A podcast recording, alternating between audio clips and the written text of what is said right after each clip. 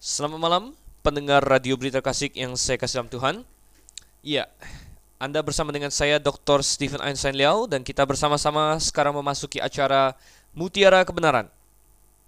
Apa kabar Bapak Ibu Saudara sekalian yang saya kasih dalam Tuhan pada malam hari ini? Tentunya saya harap saat ini Anda sekalian semua dalam keadaan baik-baik dan dalam penyertaan Yesus Kristus dipenuhi dengan rahmat dan perlindungannya. Pada saat ini kita akan membahas kebenaran firman Tuhan. Oleh karena itu saya harap juga Anda semua siap secara rohani untuk membahas kebenaran-kebenaran firman Tuhan.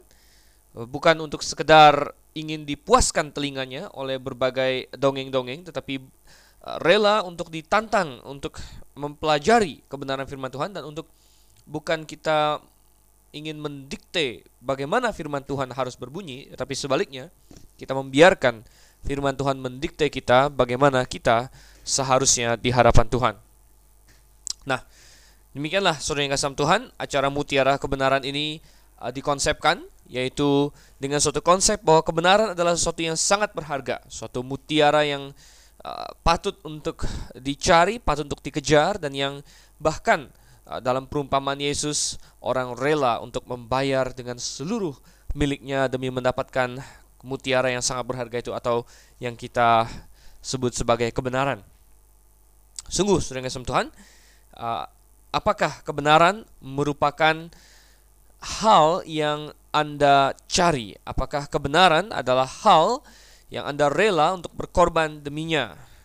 Itulah yang ingin Tuhan lihat daripada Anda. Apa jawaban Anda?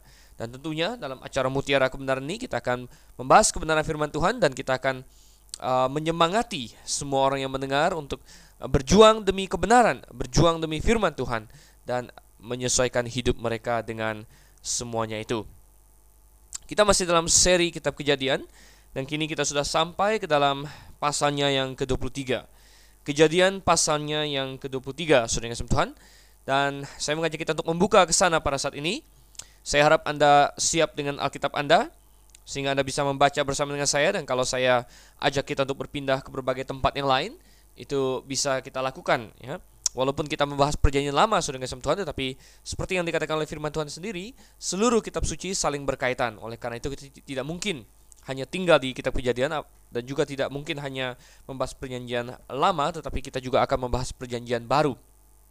Ada orang yang pernah bertanya kepada saya, Mengapa dalam acara Mutiara Kebenaran katanya membahas perjanjian lama, kenapa banyak membahas juga perjanjian baru?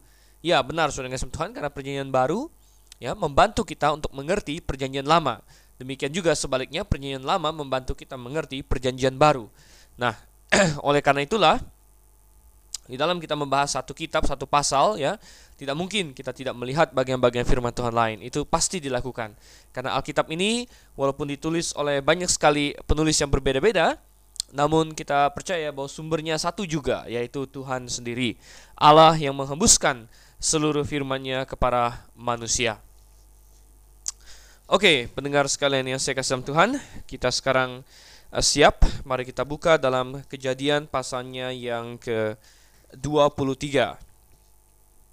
Namun sebelum kita masuk, tentunya kita akan berdoa terlebih dahulu untuk meminta pertolongan Tuhan. Ya. Mari kita tundukkan kepala kita, kita akan berdoa. Bapa kami yang di surga, kami sungguh mengucap syukur ya Tuhan untuk segala kasih setiamu, penyertaanmu kepada kami, sehingga kami dapat mengenal Engkau, dan bukan hanya itu, kami dapat mengenal firman-Mu. Tuhan, sungguh firman-Mu yang ada pada kami adalah berkat yang luar biasa, sehingga kami dapat berjalan di dalam jalan yang benar, dan Tuhan kami ingin agar kami berjalan di jalan yang benar itu dan kami mohon pimpinanmu ketika kami mempelajari firmanmu pada malam hari ini agar kau dapat uh, menguatkan uh, kebenaran-kebenaranmu kepada pikiran kami agar kami dapat memahaminya dan bukan hanya itu tetapi kami dapat juga melakukannya dalam kehidupan kami sehari-hari. Ya Tuhan, kami berdoa di dalam nama Yesus Kristus saja Tuhan dan juru selamat kami yang hidup. Amin. Baik, pendengar yang saya kasih dalam Tuhan, sekali lagi saya ajak kita untuk membuka Alkitab di dalam Kejadian pasalnya yang ke-23. Kejadian pasalnya yang ke-23 dan kita akan lihat uh, baca dulu ayat yang pertama dan ayat yang kedua. Oke, Kejadian 23 ayat 1 dan 2 demikian bunyinya. Sarah hidup 127 tahun lamanya, itulah umur Sarah. Kemudian matilah Sarah di Kiryat Arba, yaitu Hebron di tanah Kanaan. Lalu Abraham datang meratapi dan menangisinya. Ini adalah suatu berita yang tentunya sangat menyedihkan bagi Abraham pada saat itu, yaitu uh, matinya istrinya yang sangat dikasihinya, yaitu Sarah. Dan kita temukan di sini Sarah adalah seorang wanita yang sangat istimewa di dalam Alkitab, Saudara kasih Tuhan. Ya. Kalau Anda teliti dengan seksama, Sarah adalah satu-satunya wanita dalam Alkitab yang diberitahu kepada kita umurnya, Saudara kasih Tuhan, ya. Tidak ada wanita lain dalam Alkitab yang diberitahu pada umur berapa mereka mati. Namun uh, Sarah diberitahu Uh, umur umurnya. Dia mati pada saat dia berumur 127 tahun. Bahkan Sarah juga uh, kita tahu umur berapa pada umur berapa dia melahirkan seorang anak ya yaitu waktu waktu dia umur 90 tahun dia melahirkan Ishak. Jadi Sarah sangat istimewa saudara. Tidak ada wanita lain ya yang sedemikian dicatat proses penguburannya.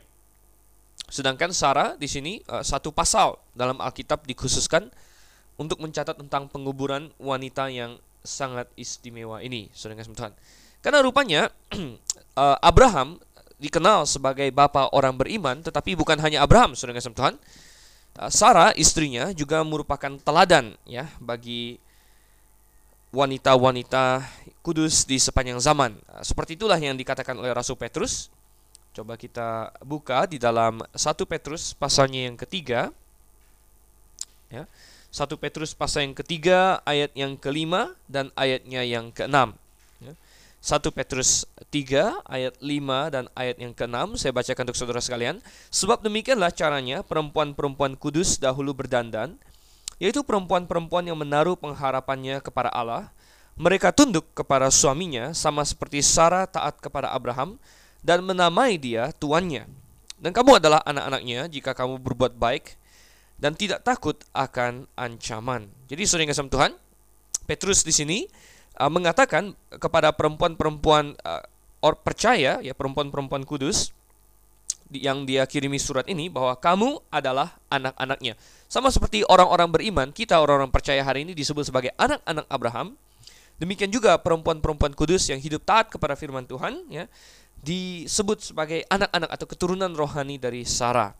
Dan menarik sekali, di sini uh, satu karakter atau satu poin dari Sarah yang ditekankan oleh Petrus yang merupakan contoh teladan bagi semua adalah katanya uh, bagaimana Sarah taat kepada Abraham dan menamai dia tuannya. Nah, ini adalah satu karakteristik yang saya rasa uh, sudah jarang ditemukan dewasa ini atau pada zaman modern ini. Ya, di mana dikatakan seperti Sarah taat kepada Abraham dan menamai dia tuannya. Di dalam zaman feminisme ini, gerakan uh, feminisme perempuan, jarang sekali ketaatan ditinggikan sebagai suatu karakteristik yang diidam-idamkan dari seorang perempuan ya. Seringkali propaganda media adalah seorang perempuan harus uh, harus hebat, harus uh, memiliki karir yang luar biasa terlalu banyak penekanan pada hari ini di mana wanita disuruh berkompetisi atau bersaing dengan eh, laki-laki. Uh, Tetapi saudara yang kasih Tuhan, kita sebagai orang Kristen tidak boleh terjebak kepada hal-hal seperti ini. Ketika kekristenan pertama kali muncul ke dalam uh, dunia ini, uh, kekristenan membawa dampak yang sangat positif bagi perempuan, saudara kasih Tuhan. Ya, Anda tahu bahwa pada abad-abad dulu perempuan dianggap uh, mungkin hampir seperti budak, ya perempuan tidak memiliki harga ya. Tetapi dengan masuknya ke Kristenan uh, harkat dan martabat perempuan terangkat ya. Di mana kita melihat Tuhan Yesus sendiri menggunakan banyak sekali perempuan untuk pekerjaan misinya. Bagaimana Rasul Paulus juga uh, bekerja sama dengan banyak sekali perempuan dalam pemberitaan Injilnya. Dan bagaimana di dalam Injil kita bisa temukan lagi dan lagi-lagi di mana uh, Paulus menyatakan bahwa di dalam Kristus tidak ada perbedaan antara laki-laki dan perempuan. Saudara kasih Tuhan ya, tidak ada perbedaan antara laki-laki dan perempuan dan pengajaran kekristenan yang uh, mengutamakan harkat dan martabat manusia ini ya meninggikan posisi wanita, menariknya keluar dari lubang perbudakan yang diterapkan kepada mereka pada zaman-zaman dahulu. Tetapi iblis tidak mau kalah, saudara kasih Tuhan ya. Iblis tidak mau kalah sehingga uh, dia sekarang berbalik di zaman modern ini. Dia ingin uh, kalau zaman dulu dia menindas perempuan dengan cara uh, merendahkan mereka, maka kini iblis mencoba untuk menghancurkan wanita uh, dengan cara uh, menyuruh mereka untuk memberontak yang Tuhan. Memberontak kepada siapa? Tentunya sebenarnya memberontak kepada Tuhan ya. Memberontak kepada Tuhan karena para wanita disuruh untuk memainkan suatu peran yang tidak pernah Tuhan maksudkan agar wanita mainkan yang Tuhan. Nah, uh, contohnya di dalam rumah tangga ya. Uh, sedikit sekali sekarang ya uh, gereja yang mengajarkan dengan tegas seperti yang dikatakan dalam Alkitab bahwa di dalam sebuah rumah tangga eh, seorang eh, pemimpin atau kepala rumah tangga adalah sang suami ya dan istri memiliki kewajiban ya di hadapan Tuhan untuk tunduk atau taat kepada suaminya. Coba kita lihat pengajaran firman Tuhan ini kita buka di dalam Efesus pasalnya yang kelima, Saudara. Kita lihat Efesus pasalnya yang kelima kita baca ayat yang ke-22 hingga ayatnya yang uh, ke-29, Saudara Tuhan ya. Atau kita uh, kita baca saja dari 22 sampai 33, Efesus 5 ayat 22 sampai 33. Hai istri, tunduklah kepada suamimu seperti kepada Tuhan. Karena suami adalah kepala istri sama seperti Kristus adalah kepala jemaat. Dialah yang menyelamatkan tubuh. Karena itu sebagaimana jemaat tunduk kepada Kristus, Demikian jugalah istri kepada suami dalam segala sesuatu. Hai suami, kasihilah istrimu sebagaimana Kristus telah mengasihi jemaat dan telah menyerahkan dirinya baginya untuk menguduskannya sesudah ia menyucikannya dengan memandikannya dengan air dan firman supaya dengan demikian ia menempatkan jemaat di hadapan dirinya dengan cemerlang tanpa cacat atau kerut atau yang serupa itu tetapi supaya jemaat kudus dan tidak bercela. Demikian juga suami harus mengasihi istrinya sama seperti tubuhnya sendiri. Siapa yang mengasihi istrinya mengasihi dirinya sendiri. Sebab tidak pernah orang membenci tubuhnya sendiri tetapi mengasuhnya dan merawatinya. Sama seperti Kristus terhadap jemaat karena kita adalah anggota tubuhnya. Sebab itu laki-laki akan meninggalkan ayahnya dan ibunya dan bersatu dengan istrinya sehingga keduanya itu menjadi satu daging. Rahasia ini besar, tetapi yang aku maksudkan ialah hubungan Kristus dan jemaat. Bagaimanapun juga bagi kamu masing-masing berlaku, kasihilah istrimu seperti dirimu sendiri, dan istri hendaklah menghormati suaminya.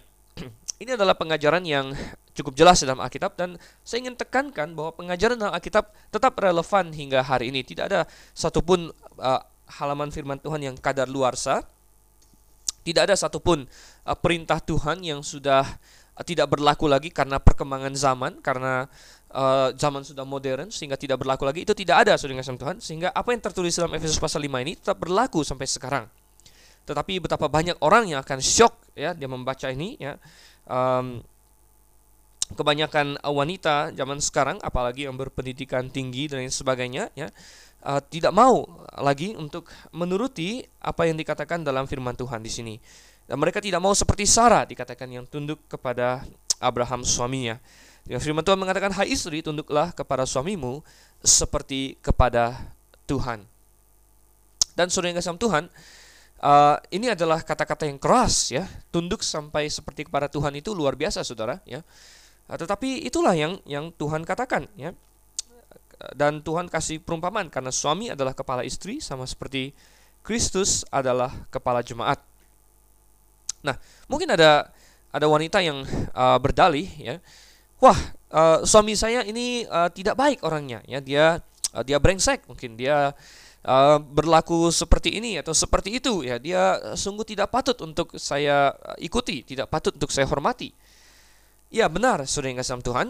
Um, mungkin saja itu demikian ya mungkin saja itu demikian tetapi anda perlu tahu bahwa Eh, ketaatan seorang istri kepada suami bukanlah bergantung kepada baik tidaknya suami tersebut, saudara. Ya, tetapi seorang istri ya menghormati suaminya dan taat kepadanya karena itu adalah perintah Tuhan. Jadi dia taat uh, karena Tuhan atau demi Tuhan ya, tidak perlu uh, demi suaminya.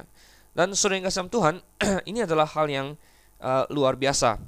Tetapi saudara yang kasih Tuhan, saya ingin ingatkan bahwa kekristenan adalah suatu agama atau suatu pengajaran yang sangat seimbang ya. Uh, kita bukan agama yang mengajarkan penindasan kepada wanita. Ada kitab-kitab suci lain yang hanya menyuruh uh, istri untuk taat saja. Tetapi ya mereka tidak memiliki faktor penyeimbang ya. Di dalam kekristenan selalu ada faktor penyeimbang yaitu apa? Uh, bukan hanya istri yang disuruh tunduk kepada uh, suami, tetapi suami ya disuruh untuk mengasihi istri ya. Dan uh, mengasihinya sebagaimana? Sudah yang kasih Tuhan ya. Mungkin ada suami yang mengatakan oh saya sudah mengasihi. Nah coba kita uh, bandingkan ya kasih yang seperti apa yang seharusnya dimiliki seorang suami kepada si istrinya. Dikatakan di 25 hai suami kasihlah istrimu sebagaimana Kristus telah mengasihi jemaat dan telah menyerahkan dirinya baginya jadi ini ini benar-benar seimbang sudah kasih Tuhan bagaimana istri uh, diminta tunduk seperti kepada Tuhan ya dan suami disuruh mengasihi seperti Tuhan juga, sudah kasih Tuhan. Seperti Yesus Kristus mengasihi jemaat. Dan bagaimanakah Yesus Kristus mengasihi jemaat dikatakannya bahkan rela menyerahkan dirinya baginya. Sudah kasih Tuhan. Uh, rela untuk mati bagi jemaat. Itulah Kristus dan uh, suami yang yang benar seharusnya dia rela mati untuk istrinya, sudah kasih Tuhan. Dan kalau dia rela mati untuk istrinya, tentunya ya dalam hal-hal lain dia akan sangat mengasihi istrinya juga ya. Uh, omong kosong kalau ada suami yang berkata, "Oh, saya uh, rela mati bagi istri saya," tetapi sehari-harinya dia uh, kasar kepadanya atau dia uh, uh, memukulnya, wah itu sudah parah sekali sudah ngasam Tuhan. Atau uh, ya menunjukkan uh, suatu sikap yang yang tidak baik kepadanya ya. Maka itu suatu omong kosong ya, tidak mungkin. Nah, Kristus ya uh, memberikan segala-galanya bagi jemaat. Bahkan diberikan suatu perumpamaan lain ya bahwa uh, suami mengasihi istri harus seperti mengasihi tubuhnya sendiri katanya. Siapa yang mengasihi istrinya, mengasihi dirinya sendiri. Memang benar karena uh, sesuai dengan kata firman Tuhan juga, keduanya telah menjadi satu. Jadi ini adalah sebenarnya kunci kunci uh, suatu rumah tangga Kristen yang bahagia, saudara yang kasih Tuhan, ya, yaitu bahwa Eh, kedua belah pihak memainkan peranan mereka sesuai dengan firman Tuhan. Ya. Uh, sang suami memainkan perannya, dia mengasihi istrinya seperti Tuhan mengasihi uh, jemaat, saudara kasih Tuhan. Dan tidak bisa kita berdalih, ah tetapi istri saya sangat cerewet, atau kita bilang ah tetapi istri saya uh, sangat menyebalkan, atau uh, istri saya sangat membosankan. Itu bukan suatu alasan yang dapat diterima, saudara Tuhan. Karena uh, kita diperintahkan untuk mengasihi istri ya uh, bukan karena istri tersebut tapi karena Tuhan ya dan uh, Kristus mengasihi jemaat. Kalau Kristus harus menunggu jemaat itu uh, begitu baik baru dikasihi, maka tidak ada satupun di antara kita yang dikasihi. Ingat bahwa uh, Kristus mengasihi jemaat bahkan ketika jemaat itu sering gagal, ketika jemaat itu sering menyakiti hatinya, dan uh, ketika jemaat itu uh, sering sekali jatuh ke dalam dosa, Kristus tetap mengasihi. Nah demikian juga dengan seorang suami kepada istri. Dan kalau itu dilakukan, saudara Tuhan, rumah tangga pasti sangat-sangat harmonis, ya. Dan uh, saya ingin ingatkan kepada kaum pria bahwa uh, sebagai pemimpin rumah tangga, mereka lah yang uh, memiliki beban untuk uh, memulai hal ini.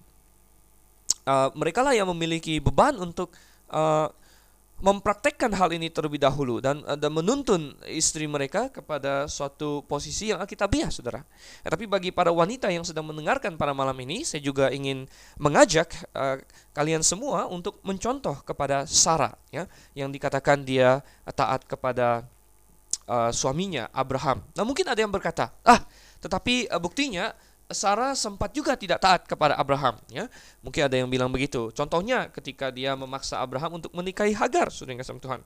Dan waktu itu toh eh, Abraham uh, setuju dengan dia. Ya, boleh saja Anda berkata demikian, tetapi saya ajak Anda untuk melihat hasilnya, Saudara.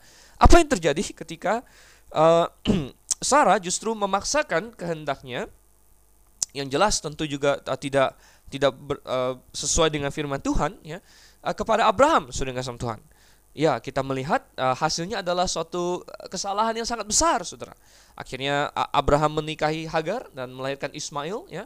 Dan apa yang terjadi saudara kasih Tuhan kita tahu bahwa keturunan Ishak dan keturunan Ismail bahkan sampai hari ini uh, masih bertempur masih berperang dan masih saling uh, mencurahkan darah saudara kasih Tuhan ya jadi bagaimanapun juga apa yang dikatakan oleh Alkitab ini adalah suatu hal yang yang perfect saudara kasih Tuhan saya pernah berbicara dengan seorang wanita dan dia berkata kepada saya Uh, kalau bagi dia katanya dalam rumah tangga itu tidak ada kepala, saudara kasih Tuhan. Tidak ada yang jadi kepala, tidak ada yang jadi uh, pengikut ya. Jadi uh, bagaimana saya tanya kepada dia Anda, wah kalau saya nanti harus uh, 50-50 katanya ya. Nah, ini satu hal yang tidak logis sebenarnya bukan hanya tidak alkitabiah ya. Tidak alkitabiah sudah jelas ya, tetapi juga tidak logis ya. Karena satu uh, perusahaan yang memiliki dua uh, presiden direktur Saudara ya, maka uh, perusahaan itu akan menjadi kacau Saudara. Adakah suatu negara yang memiliki dua presiden ya? Uh, tentu tidak ada saudara yang Tuhan. Nah, uh, kalau perusahaan, negara atau organisasi apa pun ya tidak bisa ya memiliki dua pemimpin ya. Uh, maka apalagi saudara yang Tuhan dalam sebuah rumah tangga di mana uh, dua insan ya menyatukan hidupnya sedemikian rupa yang kasih Tuhan ya. Nah, tentu haruslah ada ada yang memimpin, ada yang ada yang tidak memimpin ya.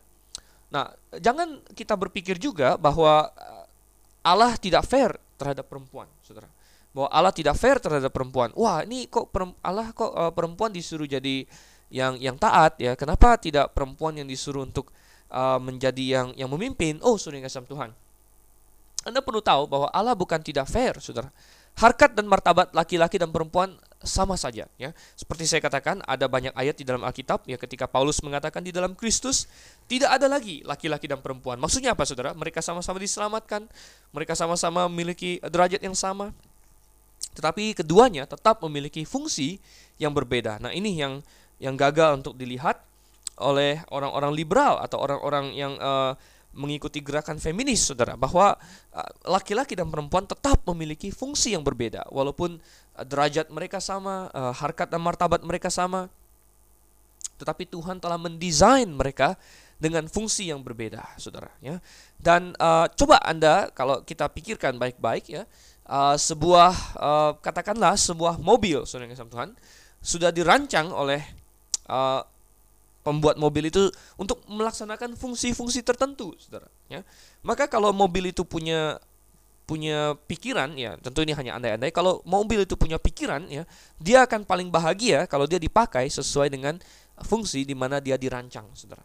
Ya, um, nah sebenarnya kita makhluk ciptaan Tuhan, ya juga demikian, ya manusia mencari kebahagiaan, tetapi mereka lupa untuk bertanya kepada Sang Pencipta mereka. Ya, pencipta mereka Allah yang menciptakan manusia, dialah yang paling tahu bagaimana seorang ciptaannya itu bisa bahagia ya. Tentu dia sudah mendesain ya. Bagi binatang dia bi bikin desain tersendiri. Bagi laki-laki dia bikin desain tersendiri. Bagi wanita dia bikin desain tersendiri. Ya, sudah kasih Tuhan. Dan kita lihat ya, manusia yang bahagia, ciptaan yang bahagia adalah ciptaan yang melaksanakan atau berfungsi sebagaimana dia didesain oleh sang pencipta ya. Dan kalau para wanita berpikir mereka bisa bahagia kalau mereka memberontak kepada Tuhan, kalau mereka uh, ingin mengendalikan suami mereka, kalau mereka ingin uh, melakukan hal-hal uh, yang bukan fungsi mereka, maka itu adalah suatu suatu pemikiran yang salah. Ya. Anda bisa bahagia kalau Anda mengikuti apa yang Tuhan Uh, telah desain Anda untuk menjadi ya. Nah, saya katakan bahwa kekristenan selalu seimbang, Saudara kasih Tuhan.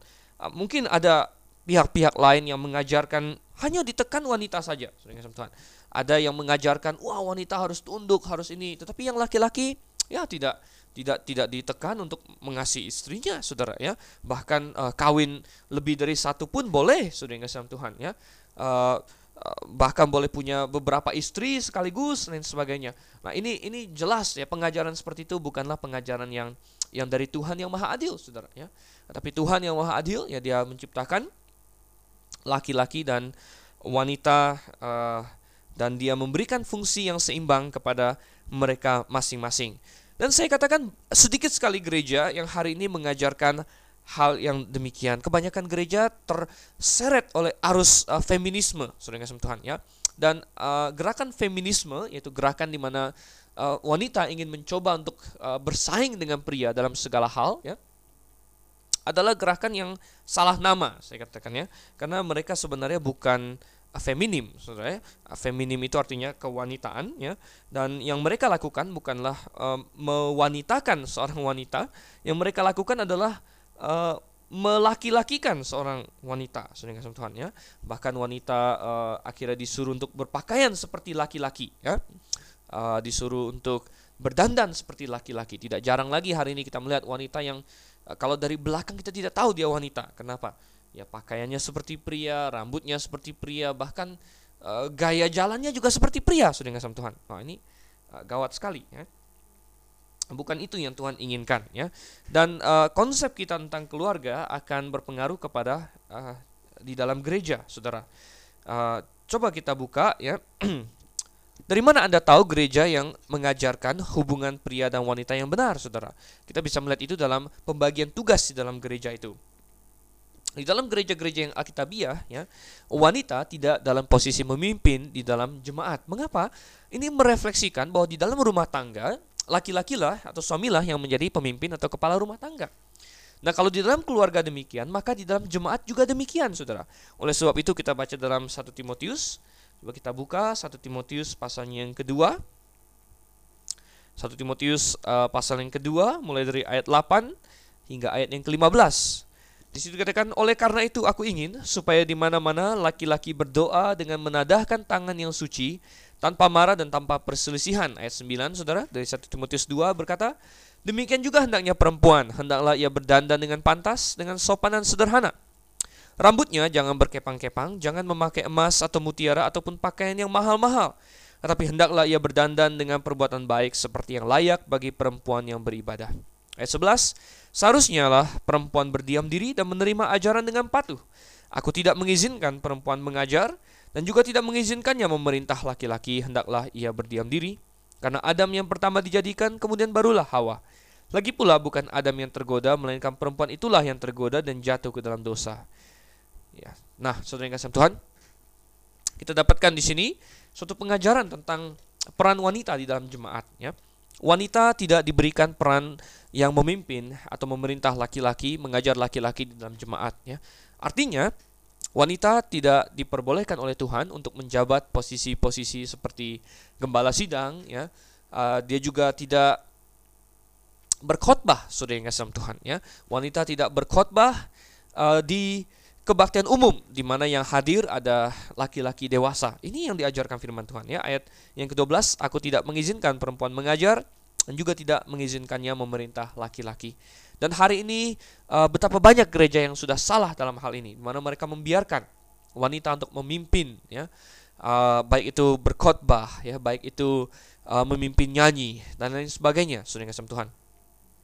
Padahal ya, uh, eh, 100 tahun yang lalu ini tidak ada sudah Tuhan dan hari ini mereka melihat grafe ya grafe ikut firman Tuhan ya bahwa wanita di grafe ya tidak um, berkhotbah di kebaktian umum ya tidak memimpin di dalam jemaat dalam kebaktian umum dan sebagainya ya dan banyak gereja hari ini melihat wah wah grafe ini uh, pengajaran yang baru dan sebagainya sebenarnya tidak sudah Tuhan ini pengajaran yang lama ya Uh, kalau Anda lihat 100-200 tahun yang lalu semua gereja seperti itu ya.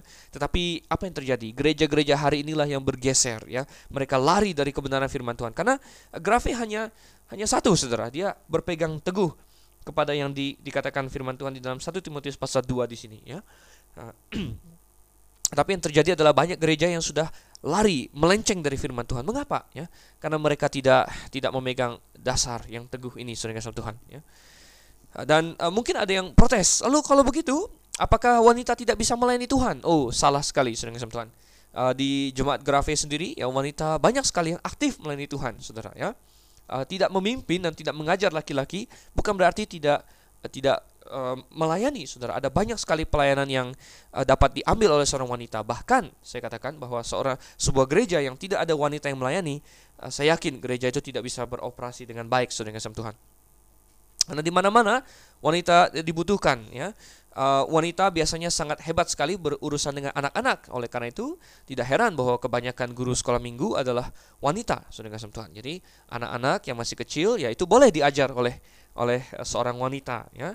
Uh, kemudian kita melihat ada banyak sekali ya um, yang bermain musik ya sering kali adalah wanita ya kemudian banyak sekali. Uh, pokoknya intinya semua pelayanan yang tidak berhubungan dengan memimpin atau mengajar itu boleh, saudara. Ya, jadi banyak sekali yang lain, saudara. Ya, Anda boleh mulai dari uh, pelayanan besuk, ya, pelayanan uh, uh, penginjilan ya membagikan traktat menyambut tamu ya uh, sampai dengan uh, kebersihan menjaga anak kecil ya banyak sekali saudara yang Tuhan uh, justru jauh lebih banyak yang boleh mereka lakukan daripada yang yang tidak boleh mereka lakukan ya Nah, tetapi yang jelas ya kita tetap harus pegang firman Tuhan di mana batas-batas uh, ya ini jangan dilalui ya. Bagaimana dengan wanita-wanita pengkhotbah hari ini. Kalau begitu sering kasih Tuhan ya. Ada banyak itu. Baik itu di televisi kita melihat ada wanita yang sering berkhotbah ya. Baik itu di gereja-gereja di mana-mana mungkin ada banyak wanita yang berkhotbah. Bagaimana dengan mereka? Mungkin ada yang bertanya. Ya saya kembalikan kepada mereka sendiri. Apakah mereka mau taat kepada firman Tuhan atau tidak saudara? Heran sekali kalau mereka mau melayani Tuhan tapi uh, pada saat yang sama mereka melanggar firman Tuhan ya. Heran sekali kalau mereka mau menyampaikan firman Tuhan tapi pada saat yang sama mereka melanggar firman Tuhan saudara. Ini bukan suatu hal yang yang konsisten tentunya ya. Jadi ya saya kembalikan kepada mereka sendiri. Dan saudara Tuhan itulah dan inilah kebenaran saudara. Inilah acara mutiara kebenaran. Kita sedang menggali kebenaran di sini. Kalau anda merasa uh, terkena, terpukul oleh kebenaran, maka ucapkan syukur kepada Tuhan bahwa Tuhan sedang bekerja dalam hati Anda untuk menunjukkan bahwa mungkin praktek Anda selama ini salah. Ya. Mungkin uh, gereja di mana tempat Anda uh, selama ini hadir mungkin melakukan suatu kesalahan. Dan firman Tuhan diberitakan justru bukan untuk hanya mengelus-ngelus kita. Satu tujuan firman Tuhan, kalau Anda baca 2 Timotius 3 ayat 16 dan 17 adalah untuk menegur, saudara. Untuk menyatakan yang salah, untuk memperbaiki kelakuan, saudara. Dan uh, jikalau ada pada malam hari ini yang uh, mungkin selama ini telah salah demikian, maka saudara yang Anda harus berpihak kepada yang benar, saudara. Anda harus berpihak kepada yang benar, ya. Uh, anda harus lebih mencintai kebenaran daripada ego Anda sendiri kalau Anda seorang perempuan ya atau Anda harus lebih mencintai kebenaran daripada hal-hal lain ya uh, siapa pun Anda. Oke. Okay. Jadi kita melihat saudara Tuhan ini ada uh, tadi kita sudah bahas panjang lebar tentang masalah Sarah ya. Nah, coba kita lanjutkan, kita kembali ke dalam Kejadian pasal 23. Eh, tadi seru sekali kita baru di dua ayat yang pertama ya.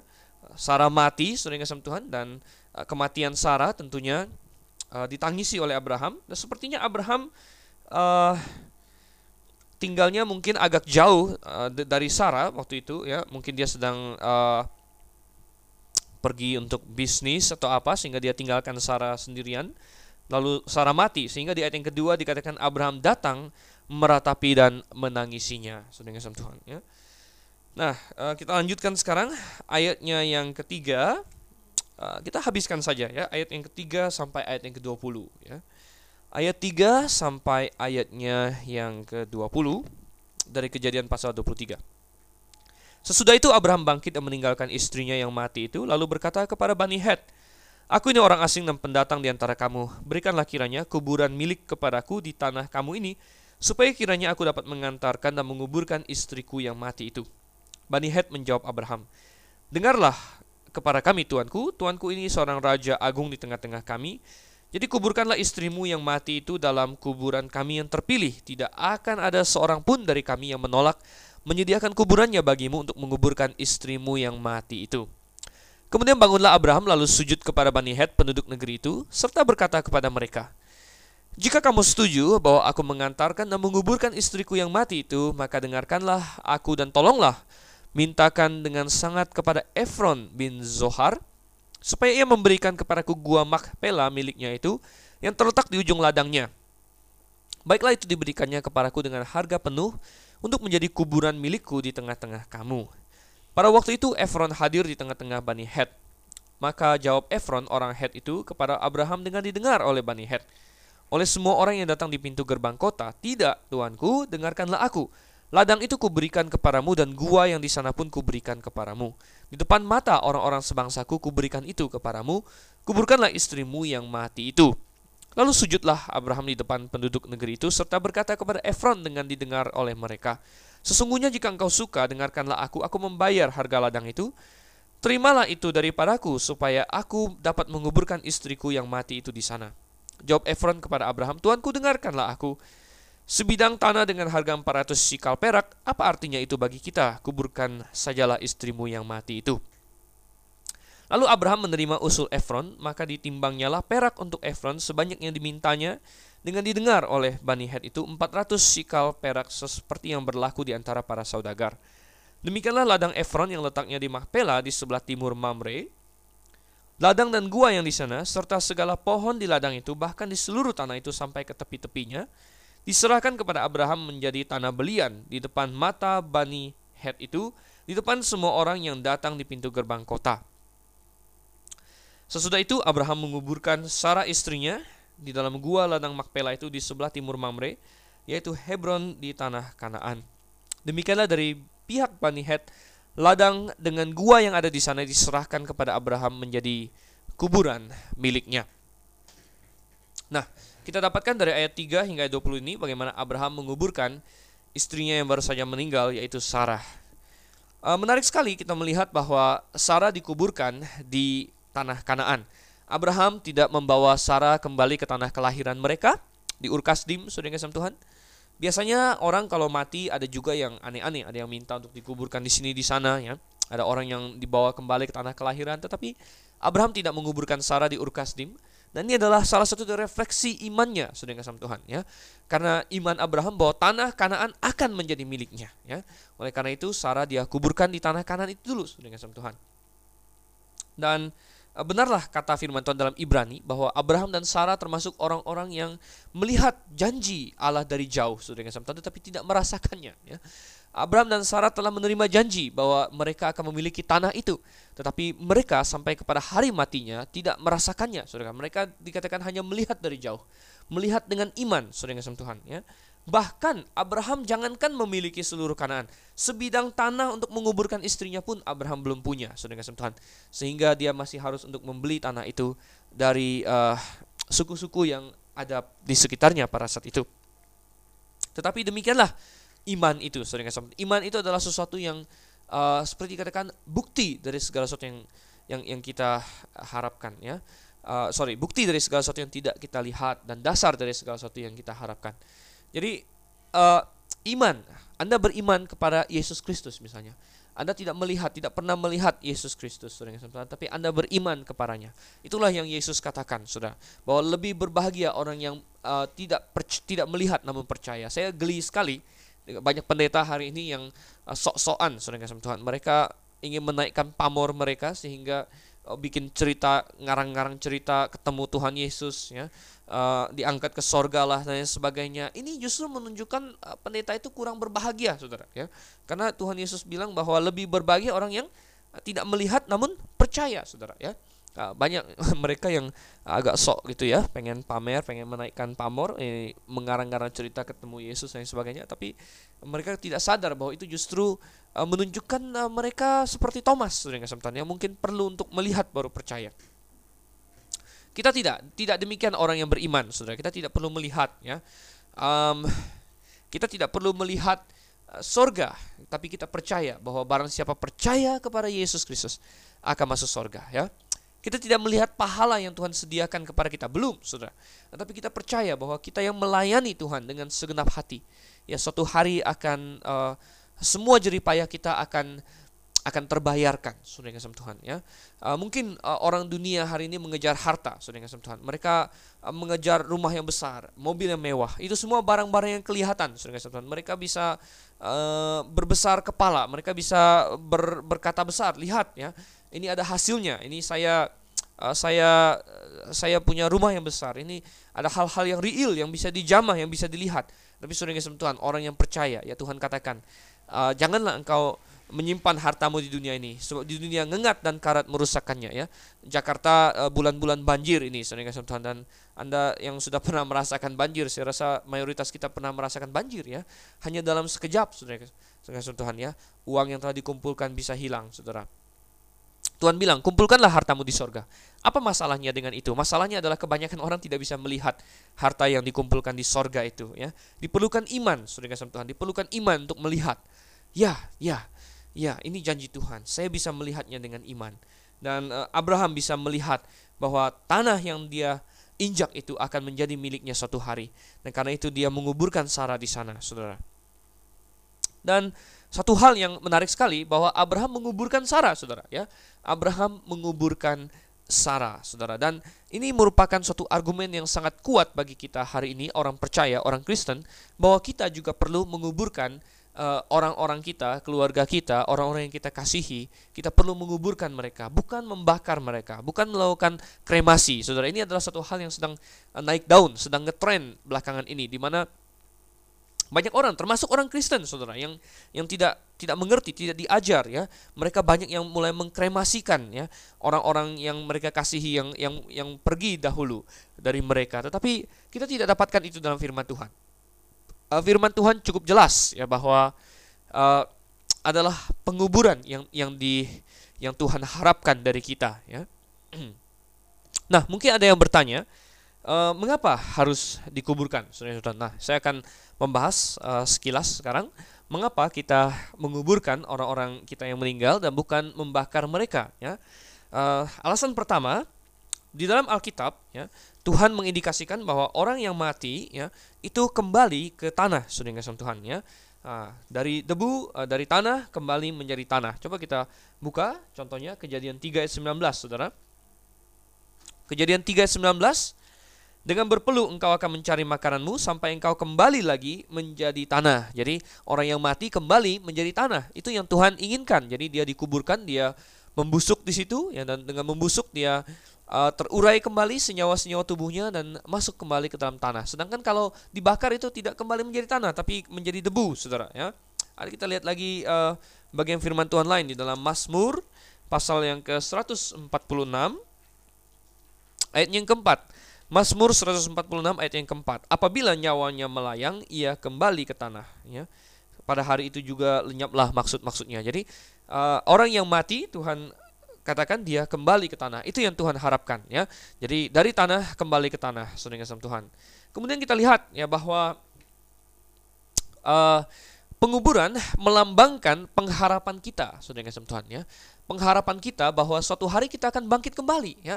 Bahwa tubuh yang diletakkan ke dalam tanah itu suatu hari tidak akan tetap di situ tapi akan bangkit kembali saudara. Jadi penguburan melambangkan pengharapan bahwa kita sebagai orang percaya suatu hari akan bangkit ya. Uh, tubuh yang diletakkan ini uh, tidak akan tidak akan selamanya di situ tapi akan akan naik sorga suatu hari, kasih Tuhan. Nah ini berbeda sekali dengan pembakaran ya. Kalau pembakaran eh, tubuh itu dirusak, kasih Tuhan ya. Tidak ada suatu pengharapan bahwa tubuh itu suatu hari akan bangkit kembali. Tidak tidak tergambarkan dari kremasi itu ya. Bahkan kremasi ya sebenarnya um, memiliki dasar dalam agama-agama penyembahan berhala ya di mana ada konsep reinkarnasi di situ ya uh, sebagian orang yang non Kristen tentunya ya uh, mengkremasi membakar mayat karena mereka punya konsep sebelum dibakar um, dia tidak bisa bereinkarnasi saudara jadi ada makna-makna terselubung di balik kremasi ya. Nah, sedangkan penguburan melambangkan pengharapan kita. Bahkan ilustrasi dalam Alkitab pun demikian. Coba kita buka dalam 1 Korintus, Saudara. 1 Korintus pasalnya yang ke-15, ya. 1 Korintus pasal yang ke-15 saya baca ayat 35 dan seterusnya beberapa ayat 1 Korintus 15 ayat 35 ya. Tetapi mungkin ada orang yang bertanya, bagaimanakah orang mati dibangkitkan dan dengan tubuh apakah mereka akan datang kembali? Hai orang bodoh, apa yang engkau sendiri taburkan tidak akan tumbuh dan hidup kalau ia tidak mati dahulu.